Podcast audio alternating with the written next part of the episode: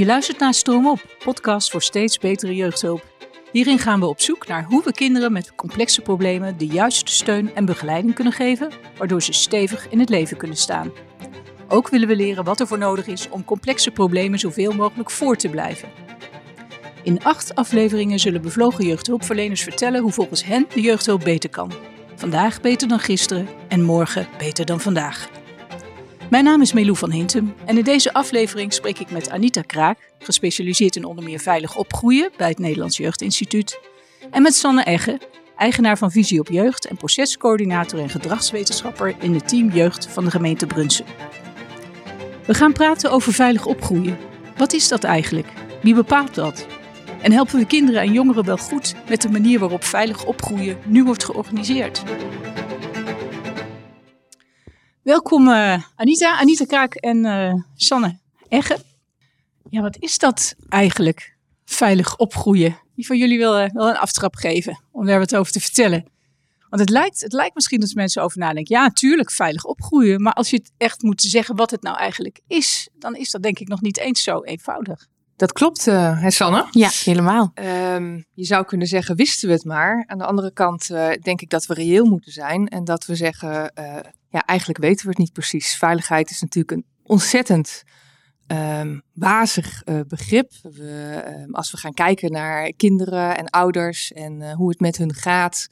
En we proberen iets te over, over te zeggen over die veiligheid. Dan ja, hebben we daar misschien allemaal wel een ander idee bij. En um, ja, onderzoek laat dat eigenlijk ook wel zien. Dat professionals eigenlijk ja, allemaal de veiligheid op een andere manier in kunnen schatten. Vaak hun eigen achtergrond, hun eigen normen en waarden daarin meenemen. Uh, dus zo simpel is het nog niet. Sanne, kan jij daar een, een, voorbeeld van geven? Want jij staat ook heel, heel veel in de praktijk. Ja, klopt. Ja, ik merk het zeker in de praktijk het, hetzelfde. Hoe wij als ketenpartners uh, kijken naar een bepaalde casus. Ketenpartners. Eventjes, eventjes zeggen wat dat zijn. Ketenpartners. Ja, ketenpartners. Nou, dat kan een school zijn, dat kan veilig thuis zijn, dat kan uh, een, een gecertificeerde instelling zijn, teamjeugd, uh, jeugdhulpaanbieders. Met z'n allen vormen we de keten binnen de jeugdhulp.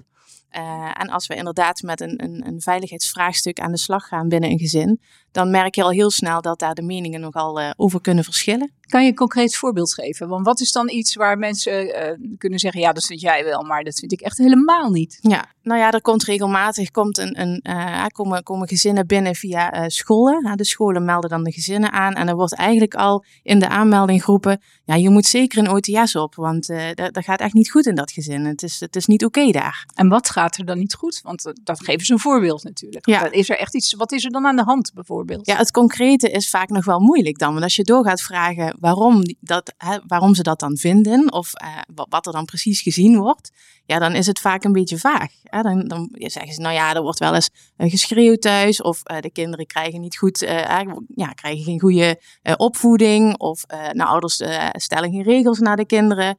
Um, de kinderen komen zonder eten naar school. Oh, dat is wel wat concreet. Ja, kinderen komen zonder ja, eten dat is naar waar, school. Dat of misschien met kapotte ja. kleren. Ja. Of uh, ja. heb jij, Anita, heb jij misschien andere voorbeelden daarvan? Nou, ik herken wel heel erg wat Sanne zegt. Uh, ik moet denken, toen ik zelf nog in de praktijk werkte, zat ik een keer in een overleg uh, met een heleboel professionals vanuit verschillende organisaties. En toen stelden we een schaalvraag hè, over de veiligheid. Dus als je een rapportcijfer moet geven voor de veiligheid, een nul is echt heel slecht en 10 is echt uh, het beste wat er is. Welk rapportcijfer zou je de veiligheid van dit kind en dit gezin op dit moment dan geven? En toen zei een CB-verpleegkundige van het consultatiebureau, consultatiebureau-verpleegkundige, die zei van, uh, ja, voor mij is het een 3. En een politieagent zei, voor mij is het nu een 7. En toen we doorvroegen van, waarom is het nou voor jou een 3 ja. en voor jou een 7? Toen zei die verpleegkundige, ja, voor mij is het een 3, omdat er in dit gezin helemaal geen leeftijdsadequaat speelgoed is. Dus ik maak me zorgen of dit kind zich wel kan ontwikkelen. En die politieagent die zei, ja, voor mij is het een 7, want er was sprake van huiselijk geweld. Maar nu is er een tijdelijk huisverbod, dus dat huiselijk geweld is even gestopt. Dus ik vind het eigenlijk best goed gaan. Zo, dus je hebt het ook in zo'n team natuurlijk over allemaal verschillende dingen. Want jij, Sanne, jij zit in het uh, team jeugd ja. van Brunsum. Ja.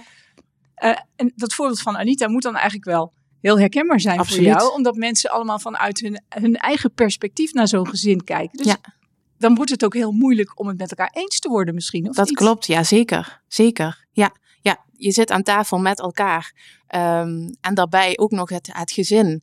En ja, probeer er dan maar eens uit te komen wat, wat de route gaat zijn en, en wat we met elkaar vinden over veiligheid in het gezin. En dan kan je het misschien ook andersom aanpakken, of niet? Om, om een, een, een top drie van onveiligheid te maken. Is, dat, mhm. is dat makkelijker?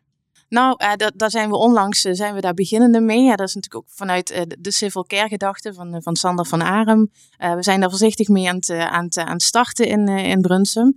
Um, en je merkt ook daar dat door de verschillende invalshoeken, hè, met andere achtergronden, een medische achtergrond, een politieagent, uh, iemand die vanuit school uh, de situatie bekijkt, dat je dan ook, uh, ja, dat het soms ook wel lastig is om tot die top drie te komen um, ja, van, van zaken die het belangrijkste zijn om als eerste mee aan de slag te gaan, omdat iedereen het vanuit zijn eigen perspectief ook bekijkt.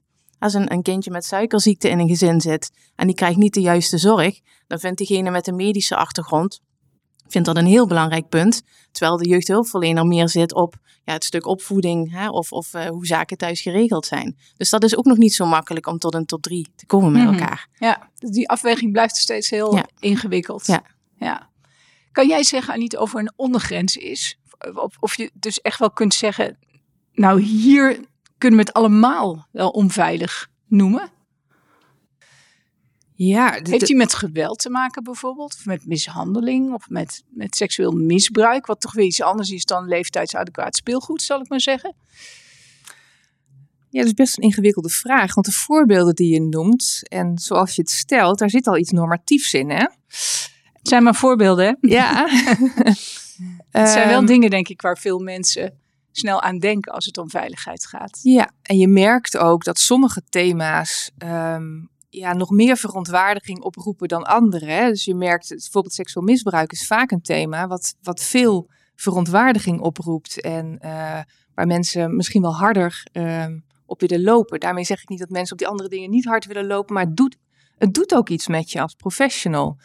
Ik weet niet, ik vind het een ingewikkelde vraag of je echt een ondergrens aan kan geven. Ik, denk, als ik terugkijk naar mijn, uh, toen ik nog in de praktijk werkte, denk ik, er zijn sommige dingen zijn wel heel duidelijk. Soms weet je met elkaar wel, dit is absoluut onveilig en daar moeten wij nu um, op acteren. Maar in verreweg de meeste gevallen um, is het meer licht en donkergrijs dan dat het zwart of wit is. -hmm. we, hadden het, we hadden het net over. Zij hebben eigenlijk al meteen een hele grote sprong gemaakt naar die instanties, andere instanties dan de jeugdhulpverleners. Als we even, we even een, een, paar stapjes terugzetten en echt kijken naar de, de, de jeugdhulpprofessionals. Zijn die het iets sneller eens, omdat zij wel een, een, een beetje eenzelfde soort perspectief uh, delen? Ik kijk jullie allebei even aan. Nee, niet per definitie. Uh, niet per misschien definitie. focus je dan wel op uh, iets wat meer dezelfde onderwerpen. Maar uh, wat Anita net ook aangaf, ook eigen normen en waarden. Ja, ja, hoe je in, je in je rol als professional staat, speelt daarin ontzettend mee. En dan merk je ook dat tussen jeugdhulpprofessionals dat je het niet altijd eens bent over bijvoorbeeld de zwaarte van uh, zo'n schaalvraag. Hè. Uh, noem eens een cijfer, hoe veilig is het binnen dit gezin? Daarin kun, kan, kunnen echt nog wel grote verschillen zijn, ook tussen jeugdhulpprofessionals. Net zulke grote verschillen als we net hoorden, die drie en die zeven. Je hebt het dan niet over de, de, een, tussen de, de vijf en de, en de zes of zeven, maar nou, veel groter. Niet, niet, misschien niet zozeer in het cijfer, maar, maar meer uh, welke punten dan onveilig zijn voor, voor mij zitten daar meer dan de verschillen in. dus de, de, de alge, het algemene cijfer ligt misschien wat dichter bij elkaar. Maar meer de punten die we dan als onveilig aanmerken, die verschillen nog wel. Bijvoorbeeld de een die zegt, uh, het is helemaal niet zo erg als die ouders af en toe een jointje roken bij de kinderen. Juist. En de ander die zegt van, nou dat vind ik gewoon echt niet kunnen. Ja, ja. Misschien aanhakend op wat Sanne zegt... Uh, wat soms best wel ingewikkeld is. Ik noem altijd maar het voorbeeld van de olifant. Hè? Hoe krijgen we nou die hele olifant in beeld? Dus bij deze gezinnen spelen vaak meerdere dingen. En elke hulpverlener ziet een stukje van de olifant. En het is elke keer dan weer de uitdaging dat je niet met elkaar, elkaar niet gaat overtuigen van de slurf is belangrijker of de poot van die olifant is belangrijker. Want als je alleen die slurf ziet, dan zie je misschien een touw en dan begin je over een touw te praten. En als je alleen die poot ziet, dan zie je misschien een boomstam en dan probeer je een boomstam te helpen. Dus het is zo'n uitdaging om met elkaar eerst de hele olifant in beeld te krijgen. Om met elkaar een goede analyse te maken, ieders expertise te waarderen en samen te kijken van als we dat nou bij elkaar leggen, wat zien we dan echt? En van daaruit te prioriteren. En in de druk van alle dag is het soms best een uitdaging om niet te gaan rennen op dat eigen stukje wat je ziet. En dan in die haast de ander te overtuigen over dat jouw stukje het belangrijkste is. Dus je hebt meer tijd nodig. Maar wat ik me ook kan voorstellen, als je die hele olifant goed wilt kunnen zien, dat je misschien meer naar het gezin, naar de ouders, naar de kinderen moet luisteren dan vaak gebeurt. Ja. Het is een vraag. Ja, ja, Ja. absoluut. ja, ja. Ik Want denk- hoe gaat het meestal, eh, Sanne? Ehm, ik denk dat wij heel, ja, dat we toch ook, ook in, de, in de waan van de dag en de tijdsdruk die we allemaal ervaren in ons werk, ehm, ja, dat we toch ook wel sneller uitgaan van aannames.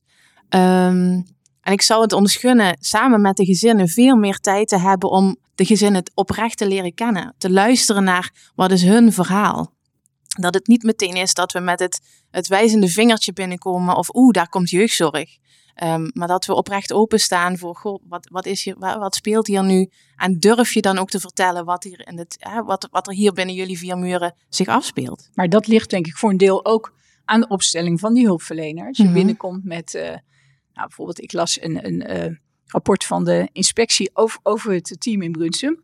En een, een analyse gemaakt en daar werd eh, onder meer heel regelmatig het woord pleger gebruikt. Ja. Nou was dit rapport niet bedoeld voor het gezin, Nee. maar het geeft wel aan in welke termen er wordt gedacht. En Ja. ik kan me voorstellen als je in zulke termen binnenkomt, u bent hier de pleger, Ja. dat hij er dan niet eens fijn voor gaat zitten om je uit te leggen hoe het nou eigenlijk allemaal zo gekomen is. Nee, als je dan al binnenkomt. Ja, Als je al binnenkomt. Ja, Ja. ja, Dus het begint dan al een, een beetje eerder. Dat je jezelf ook als hulpverlener moet afvragen van hoe, ja, hoe ga ik dit doen? ja het, begint voor mij al in de volledige maatschappij. Hoe wij kijken naar huiselijk geweld, kindermishandeling, de, de meldcode, welke termen daarin eh, gebruikt worden, eh, de meldingen die doorgezet worden van Veilig Thuis naar ons team. Dat zijn Veilig Thuismeldingen. Daarin wordt huiselijk geweld of kindermishandeling gebruikt. En als ik met die boodschap de gezinnen binnenstap, goh, ik heb hier een melding van huiselijk geweld. Gisteravond is hier iets gebeurd.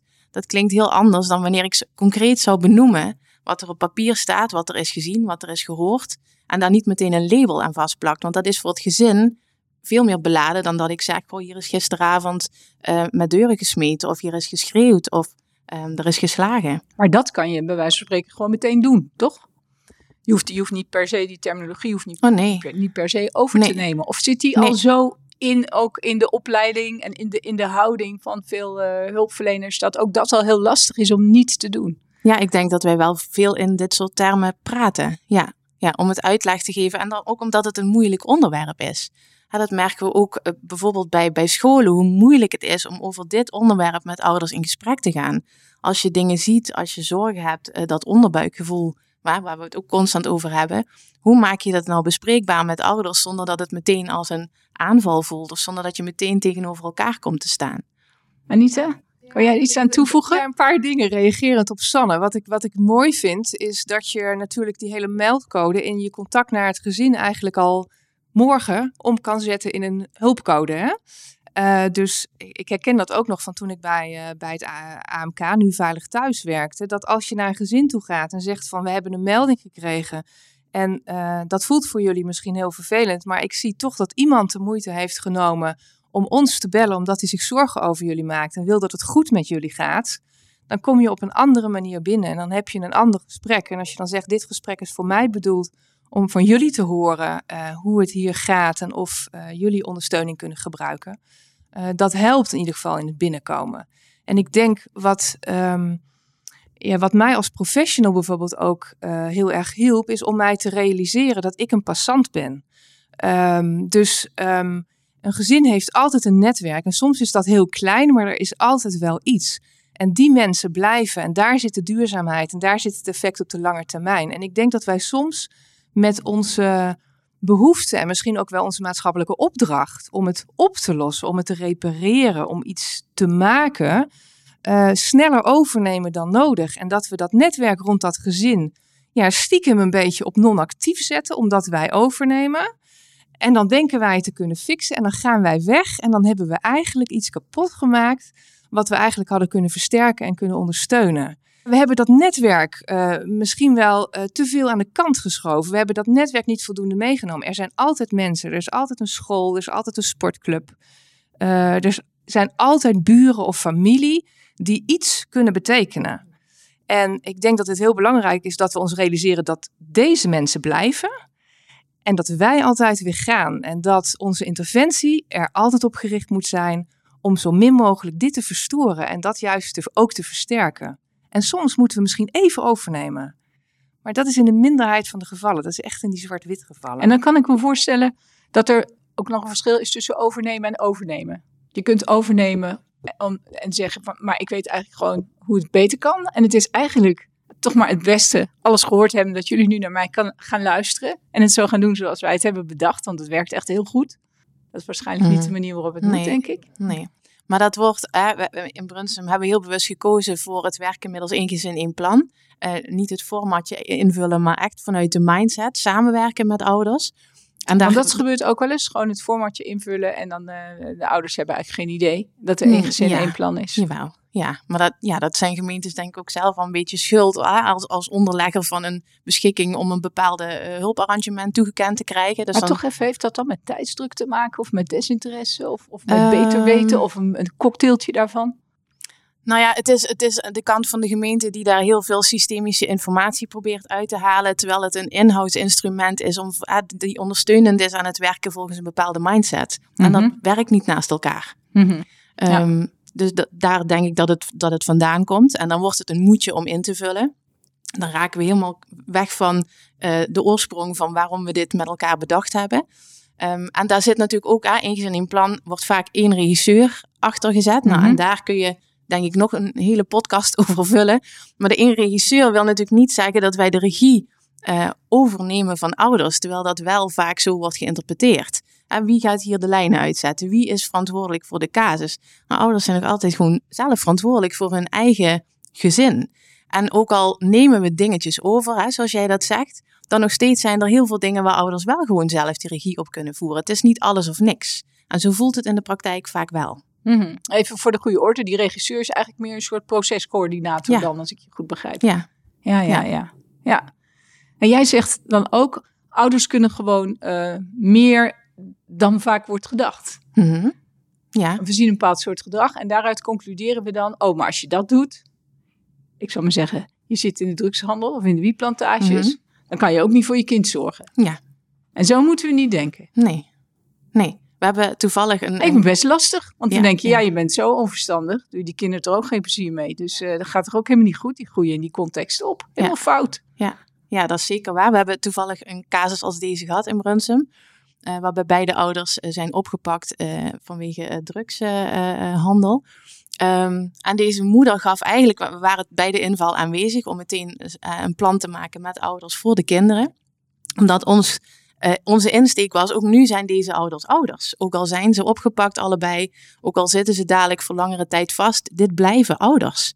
En eh, deze moeder is inmiddels vrij en is zo dankbaar dat we het op deze manier met elkaar hebben kunnen doen. Dat zij iedere keer betrokken is bij alle besluiten die genomen zijn. Dat ze ook zelf daarin besluiten heeft kunnen nemen. En deze moeder woont nu weer met de kinderen naast het gezinshuis waar de kinderen hebben gewoond. En, dat, vind ik zo goed. mooi. Ja, dat omdat jij zegt, de moeder is nou zo dankbaar. En dan denk ik meteen, en wat vinden de kinderen ervan? Ja, ja, die zijn natuurlijk hartstikke blij dat ze weer bij moeder kunnen zijn. Het zijn ook nog hele jonge kindjes.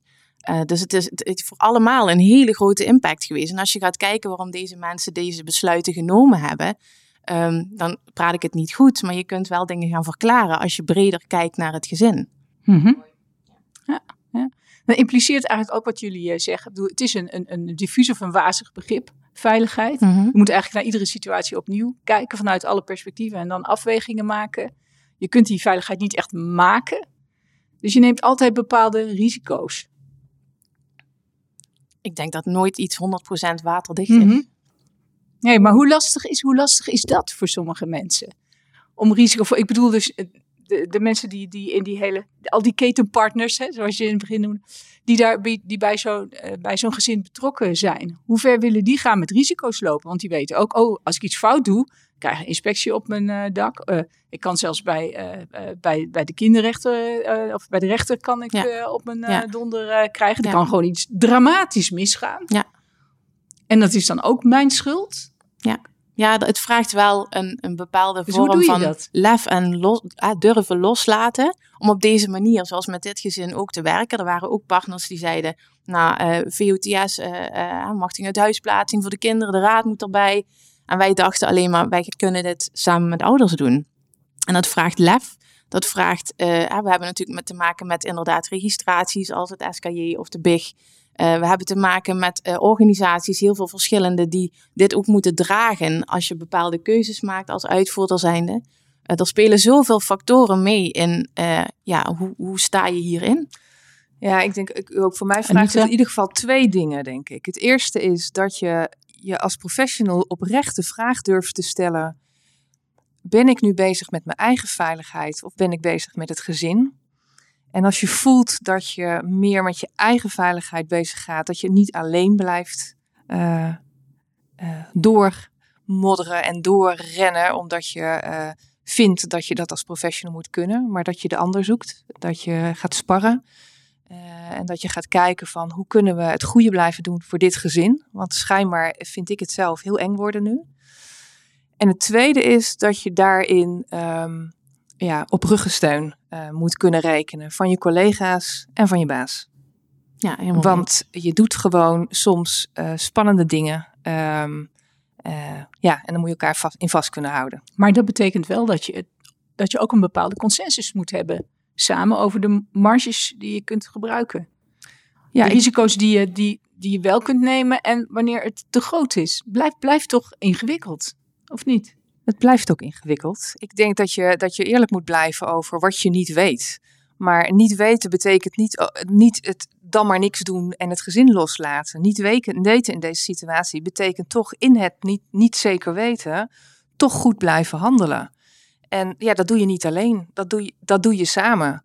En uh, dat doe je lerend. Dus uh, elke keer kijk je weer van wat is het effect van mijn handelen en moet ik mijn handelen bijstellen? Um, en daar, daar, dat doe je lerenderwijs in elk gezin. En je probeert die lessen ook met elkaar uh, eruit te halen, waardoor je het misschien in een volgend gezin weer net iets anders uh, zou kunnen doen. Ja, en, en als je hè, in een gemeente heb je natuurlijk ook nog te maken met, met de politieke kant. En wat, uh, ook, ook die kant is altijd wel belangrijk om mee te nemen. Uh, dat ik ook regelmatig een gemeenteraad of wethouders meeneem in bepaalde casussen. Zo van, goh, dit is de manier waarop we werken. Zodat het ook echt in alle lagen gedragen wordt om op deze manier te kunnen werken. En wat dat betekent voor een organisatie. En dat, en dat lukt ook. Iedereen denkt, nou ja, weet je, zo hebben we het eigenlijk nog nooit bekeken. Maar nou je het uitlegt, klinkt het eigenlijk best wel logisch dat we er zo naar moeten kijken. Is dat... Ik, ik heb op de een of andere manier het gevoel dat je wat meer weerstand uh, krijgt. Nou, dat valt op zich wel mee. Ja, in Brunsum valt het ja, mee. Ja, misschien is dat het. nee, maar ik denk dat en dat wij... bedoel ik niet flauw hoor. Nee, nee, oh nee, uh, ik ook niet. um, maar ik denk dat wij, in, uh, we hebben in 2016 heel bewust een keuze gemaakt om uh, te kijken wat houdt die hele transformatie jeugdhulp nou in. En dat betekent dat we zijn gaan kijken naar onze visie. Uh, niet op dezelfde manier doorgaan. Want het is niet voor niks dat er een wijziging in het stelsel kwam. Maar vanuit welke visie kunnen wij nu samen met onze ketenpartners in Brunsum en daarbuiten um, uh, ja, uh, zaken aanvliegen met elkaar. Waarbij we alle lagen van de organisaties meenemen. Zo ook Civil Care. Dat vraagt niet alleen maar uh, op uitvoering uh, ja tegen elkaar zeggen, op uitvoeringsniveau. Maar dat betekent ook dat we met managers en directeuren om tafel moeten om het te hebben over, we vinden dit allemaal een heel goed idee. Er is niemand die zegt, nou, wat een onzinnige, onzinnige visie. Maar wat betekent mm -hmm. dat nou in de praktijk? Nou, en hoe precies. zorgen we er nou voor dat alle lagen dit kunnen doen zoals het bedoeld is? Ja, dat lijkt me verdraaid ingewikkeld. Ja, dat is het zeker. Maar die gesprekken moet je wel met elkaar aangaan. Je kunt niet ja zeggen tegen een visie en dan denken, ja, dat dat er gaat komen, want zo is het niet. Ja, of je zegt ja tegen een visie en, en dan krijg je een beetje, waar we het eerder over hadden, ja. uh, papier is geduldig. En ja. in de praktijk dan, uh, ja, komt, dan lukt het nu even niet, maar, maar misschien de volgende keer wel. Ja, en daarom is dat commitment op al die organisatielagen ook zo belangrijk. Ja, ik zit toch een beetje met die waar, waar, ik bedoel, er worden in de hulpverlening ook allerlei risicotaxatie-instrumenten gebruikt. Ik vind het toch lastig van hoe, hoe kan je dat nou, hoe kun je dit nou op een toch op een goede manier nog een beetje sturen of richting geven? Of hebben jullie een paar eikpunten waar je dat langs kunt leggen? Of hoe, wanneer? Ik kan me voorstellen dat je zegt, nou je kunt ze gebruiken. Dan zijn ze ondersteunend, maar niet leidend. Ze zijn allemaal nog wel en ze worden ook nog allemaal gebruikt. Wat, wat moeten we er dan in de praktijk mee? Ja, zoals Anita net aangaf, ik denk dat je de hele olifant in beeld moet hebben. Wil een uh, risicotaxatie-instrument helpend zijn in uiteindelijk ondersteunend zijn in van goh, welke richting gaan we hierin op? Dus het is wel, het, is wel, het is niet voor ons niet leidend. Um, voor ons is belangrijker dat we het verhaal helder krijgen. En dat je vanuit daar kunt vertrekken en kijken van, goh, is er dan een taxatie-instrument op dit moment helpend om toch tot mhm. bepaalde besluiten te komen? Ja, ja dat denk ik ook. Het, het is een middel om het goede gesprek te voeren en het is geen doel op zich. Dus het geeft geen cijfer, het geeft je geen uitkomst. Uh, dus de hou vast zit hem er niet in en dat je daarna zeker weet. Uh, is het hier wel of niet veilig en is het een 5 of is het een 6? Uh, maar de houvast zit hem er denk ik in dat het je helpt om het goede gesprek te voeren, om de hele olifant in beeld te krijgen. En dat goede gesprek met mensen te voeren die er allemaal vanuit hun, met hun eigen bril naar kijken, die er dus heel divers naar kijken. Uh, en dat zijn ja, eigenlijk alle betrokken professionals, mm. ouders en de kinderen en jongeren zelf. Niet in de laatste plaats. Ja. En hun netwerk, ja. ja. En dan heb je de maatschappij eromheen en de media je er natuurlijk meteen bovenop springen. Want iedereen weet nog wie Savannah was. En het, en het Maasmeisje. En al die gevallen waarin het, gevallen noem ik het eventjes oneerbiedig, zo mag ik het natuurlijk eigenlijk niet zeggen. Maar waarin het uh, mis is gegaan. Ik kan me voorstellen dat dat ook een soort angst is. Van, je wordt ook heel, je wordt ook snel genageld natuurlijk. Hè? Want er zaten zoveel, je hoort het, je leest het nog steeds zo vaak. Er waren zoveel hulpverleners bij betrokken. En niemand heeft iets gedaan nou, het komt dan waarschijnlijk omdat ze op de verkeerde manier gewerkt hebben. Dat, dat leggen jullie nu uit. Dat je meer moet samenwerken, ook moet overleggen, kijken naar elkaars perspectief, samen de puzzel leggen. Maar toch dat die kwetsbaarheid voor, hulp, voor hulpverleners en ook en hulpverlenende instanties, die is er nog steeds wel natuurlijk. Het is toch, jullie zeggen niet weten. Nou, je, je maakt gewoon een keer een fout, want overal waar gewerkt wordt, worden fouten gemaakt. Maar deze fouten worden wel heel hard afgestraft. Ja, er zitten natuurlijk een, een aantal kanten aan. En je zou kunnen zeggen, uh, door het Maasmeisje, door Savannah. Um, we hebben ook een hele ontwikkeling uh, doorgemaakt hè, in, in, in, in de jeugdhulp. Dus uh, we hebben, er zijn veel meer richtlijnen gekomen. we hebben veel meer kennis met elkaar ont, ontwikkeld. Dus het heeft, um, het heeft wel degelijk, um, ja, dat klinkt zo naar, maar het heeft ook een functie gehad. En het heeft in die zin ook wel wat gebracht. Um, maar dat alleen is niet genoeg. En we zien natuurlijk tegelijkertijd, als je naar inspectierapporten van de afgelopen jaren kijkt, dat de conclusies eigenlijk steeds hetzelfde zijn. Dus iedereen heeft het wel goed gedaan op zijn gebied, maar samen hebben we niet het goede gedaan. Mm -hmm. En um, dan kom je denk ik weer uh, waar, waar Sanne het eerder ook over had. Het is een taai proces en het is een lang proces om in samenhang met elkaar die ene taal te ontwikkelen. En samen aan die, vanuit de gezamenlijke visie, aan die ene ambitie te werken. Want dat betekent misschien ook wel dat je niet zozeer in een overleg zit omdat jij jouw organisatie vertegenwoordigt met het specifieke aanbod. Maar dat je heel erg gaat zoeken van oké, welke expertise hebben wij nu eigenlijk in huis? En hoe zou deze expertise in het netwerk rondom dit gezin aanvullend kunnen zijn? En moeten we daarvoor zelf het gezin in? Moeten we daarvoor zelf een intake gaan doen uh, en ons aanbod erop loslaten? Of zou het veel uh, op loslaten is ook wel gek, maar of zou, het, um, of zou het veel helpender zijn dat we een andere professional, bijvoorbeeld meer coachend, terzijde staan? Nou, en, en daarover nadenken met elkaar. En iets meer het denken in organisaties, interventies en hun aanbod loslaten als het echt ingewikkeld wordt. Ja, ja dat is een taai proces. Ja. En we hebben het nu ook vooral over jeugdhulpverlening, maar de, de link naar volwassenzorg hierin is uh, is zo belangrijk, maar nog zo moeilijk. Ik wou toch even, want wat, wat jij zei net, Anita, dat uh, kon ik volgen, zou ik maar zeggen. Maar dat gaat nog steeds over hoe je binnen die hele hulpverlening, hoe je dat met elkaar kunt, kunt verbeteren. Of uh, hoe het misschien toen, toen uh, Savannah en Maasmeisje en zo, zo is aangekaart, dat er toen ook binnen de hulpverlening alarmbellen zijn afgegaan van hé, hey, we zijn met veel mensen, maar we doen niet, we doen niet het goede met z'n allen. Maar mij gaat het er eigenlijk ook om dat er nog een buitenwereld is waarin je ook als je lerend bezig bent, waar je erg voor pleit, als ik je goed begrijp, dat die toch ook nog heel, uh, nou we het vriendelijk zeggen, buitengewoon kritisch kan zijn. En juist wil dat dingen snel worden opgelost en dat er snel wordt geïnterveneerd. Dus hoe kan je die verhouding met die buitenwereld, hoe kan je ja, die een beetje, ja, ik wil zeggen, een beetje goed houden? Of hoe moet je ten opzichte van die buitenwereld dan opereren? Blijven uitleggen of wat? Ja, nou in ieder geval het gesprek aan blijven gaan. Altijd een dialoog blijven. En ik denk wat, wat, waar we natuurlijk uh, waar we het hier over hebben, is dat um, we hebben het nu vaak over de meest complexe uh, uh, casuïstiek. En um, laten we reëel zijn, daarin is niet alles maakbaar. En het appel van de maatschappij is natuurlijk vaak toch van um, los het op, repareer het, maak het wel maakbaar. En ja, dat gesprek, dat dat niet altijd kan, dat we het niet altijd weten, uh, dat moeten we veel meer voeren. En uh, we moeten ons realiseren dat dat maakbaarheidsdenken en bijvoorbeeld uh, de controle en de beheersbaarheid daarop, of de verbetermaatregelen die je daar weer op bedenkt, soms ook afleiden van het goede gesprek over dat we samen iets te doen hebben daar waar het niet maakbaar is, maar waar we kinderen en gezinnen toch niet in de steek willen laten.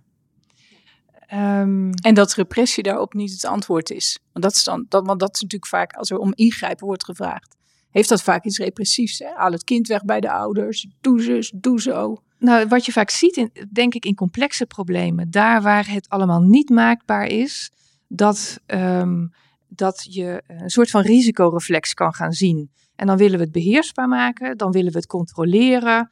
Uh, dan zie je dat um, ja, we handelen meer vanuit angst dan op dat moment. De angst van al die factoren die ook in het hoofd van de professional zitten. Wat als dit, uh, vooral de, de kant niet halen. We willen dat er niks gebeurt. Uh, we hebben wel deze afspraken samen gemaakt. Maar ja, wij, hulpverlening is er niet 24-7. We hebben geen camera's ophangen in huis.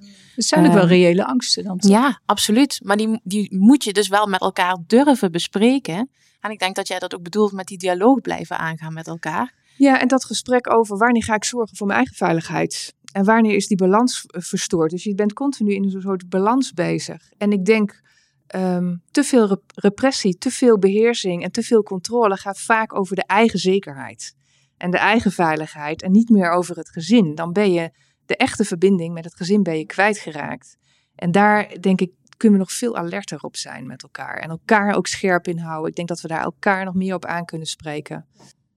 Zien jullie, zien jullie, dus vragen jullie allebei, zien jullie wel een trend in die richting? In, jij, jij zit in het, in het team jeugd van Brunsum. Mhm. Jullie hebben al een aantal stappen ja. gezet, veel stappen gezet. Ja. Ja, we hebben, we hebben eh, ja, nou goed, je, je grijpt ook altijd een beetje terug naar cijfertjes natuurlijk, omdat uh, dat vaak wordt gevraagd als je het hebt over resultaten.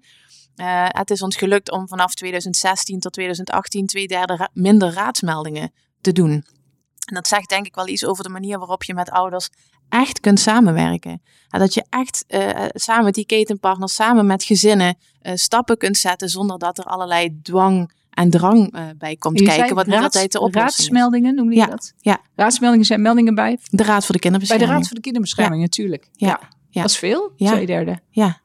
ja. Wat denk jij? Gaat het de goede kant op? Nou, ik, ik, ik zie zeker juist ook, uh, zeg maar, onderstroom op. Uh, een heleboel initiatieven, die zitten voor een deel onder de radar, die echt op ja, NS1, per casus, per gezin, met elkaar aan het kijken zijn. Onder andere in de coalitie naar thuis bijvoorbeeld. Van hoe kunnen wij hier een duurzaam perspectief samen met het gezin genereren? En hoe kunnen wij zo lang mogelijk blijven als nodig en zo kort hè, uh, als mogelijk? Uh, en dat is een taai proces. Dat vraagt heel veel van elkaar. Dat vraagt heel veel van ja, kritische reflectie op je eigen gedrag. Uh, um, maar ik zie wel dat daar steeds meer van dit soort initiatieven zijn. En ik denk dat de uitdaging voor de komende jaren ook is dat deze initiatieven um, um, ja, als een soort van olievlek uit uh, kunnen breiden. Het zou zonde zijn als de kennis die in deze initiatieven allemaal opgedaan wordt, uh, daar in het kleine blijft hangen. maar, en dat vraagt juist wat jij net zei, Sanne, dat niet alleen die professionals daar met elkaar mee bezig zijn, maar dat je dit door alle lagen met elkaar bespreekt. Nou hebben jullie dit allemaal verteld. En wat levert zo'n zo'n andere aanpak, de aanpak die jullie voorstaan, wat levert die nou eigenlijk op? Um, nou, als ik kijk naar uh, uh, het aantal hermeldingen in, in veiligheidskwesties. Uh, dus er komt een melding binnen over een onveilige situatie in een gezin. En hulpverlening gaat ermee aan de slag en met alle goede bedoelingen. En we zien toch na een half jaar of een jaar weer opnieuw een nieuwe melding binnenkomen. en die cijfers liggen vrij hoog als je dat landelijk bekijkt. Uh, dan slagen we er toch niet zo goed in met z'n allen om die cirkel van geweld te doorbreken en het echt over veiligheid in dat gezin uh, te hebben met elkaar. Maar ook hoe verbeteren we dat dan? Um, dus ja, ik denk dat het dat ook vooral moet opleveren dat we hopelijk die, die cijfers lager zien worden. Dat we minder uh, hermeldingen zien en dat we meer samen in staat zijn om de gezinnen echt goed te kunnen helpen met dit moeilijke onderwerp. Wat zou dat kunnen betekenen, Anita? Echt goed helpen? Ja, echt goed helpen, joh. Wat verbetert het um, voor de gezinnen uh, als ja, het anders wordt aangepakt? Nou ja, ik denk wat het oplevert is dat we gezinnen uh, eerder uh, de passende hulp bieden. Dat we minder lang, um, zeg maar, toch onderdeel van hun probleem worden. Omdat we ons eigen ding blijven doen. Waardoor we die gezinnen misschien wel overvragen. En de problemen ongewild groter maken dan dat ze aanvankelijk waren. Um, dat we eerder doorhebben uh, aan de voorkant, als we ergens aan beginnen, van ben ik wel degene die hier aan moet beginnen? En dat we daarmee bereiken dat gezinnen uh, en kinderen um, ja, minder om een lelijk woord te gebruiken, doorgeëscaleerd worden. Dus dat we maar opschuiven in die keten van, en dat we tegen dat gezinnen de faalervaring hebben. Dat we zeggen, ons aanbod sloot niet aan bij uw vraag. Uh, dus we moeten iets zwaarders of we moeten iets anders. Totdat we uitgeput zijn. En waar zijn we uitgeput? Als we bij de Raad voor de Kinderbescherming komen en er komt een, uh, een gezinsvoogd, een jeugdbeschermer in. Of als een kind uiteindelijk in de Jeugdzorg Plus instelling uh, moet komen. En ik denk, al deze verhalen zijn ergens begonnen. En dat we stroom op eerder in mhm. die verhalen met elkaar het goede kunnen doen. Ja, ja, inderdaad. Ik heb aan jullie allebei nog één vraag. Eerst om te beginnen bij jou, Anita. Wanneer kan voor jou de vlag uit? Wanneer, wanneer wat is jouw stip op de horizon? Wanneer is die gehaald? Wanneer ben je echt blij? Als het ons lukt om het gezin en hun netwerk centraal te houden. En dus het wat in mij opkomt is als wij het ons lukt om waarde toe te voegen.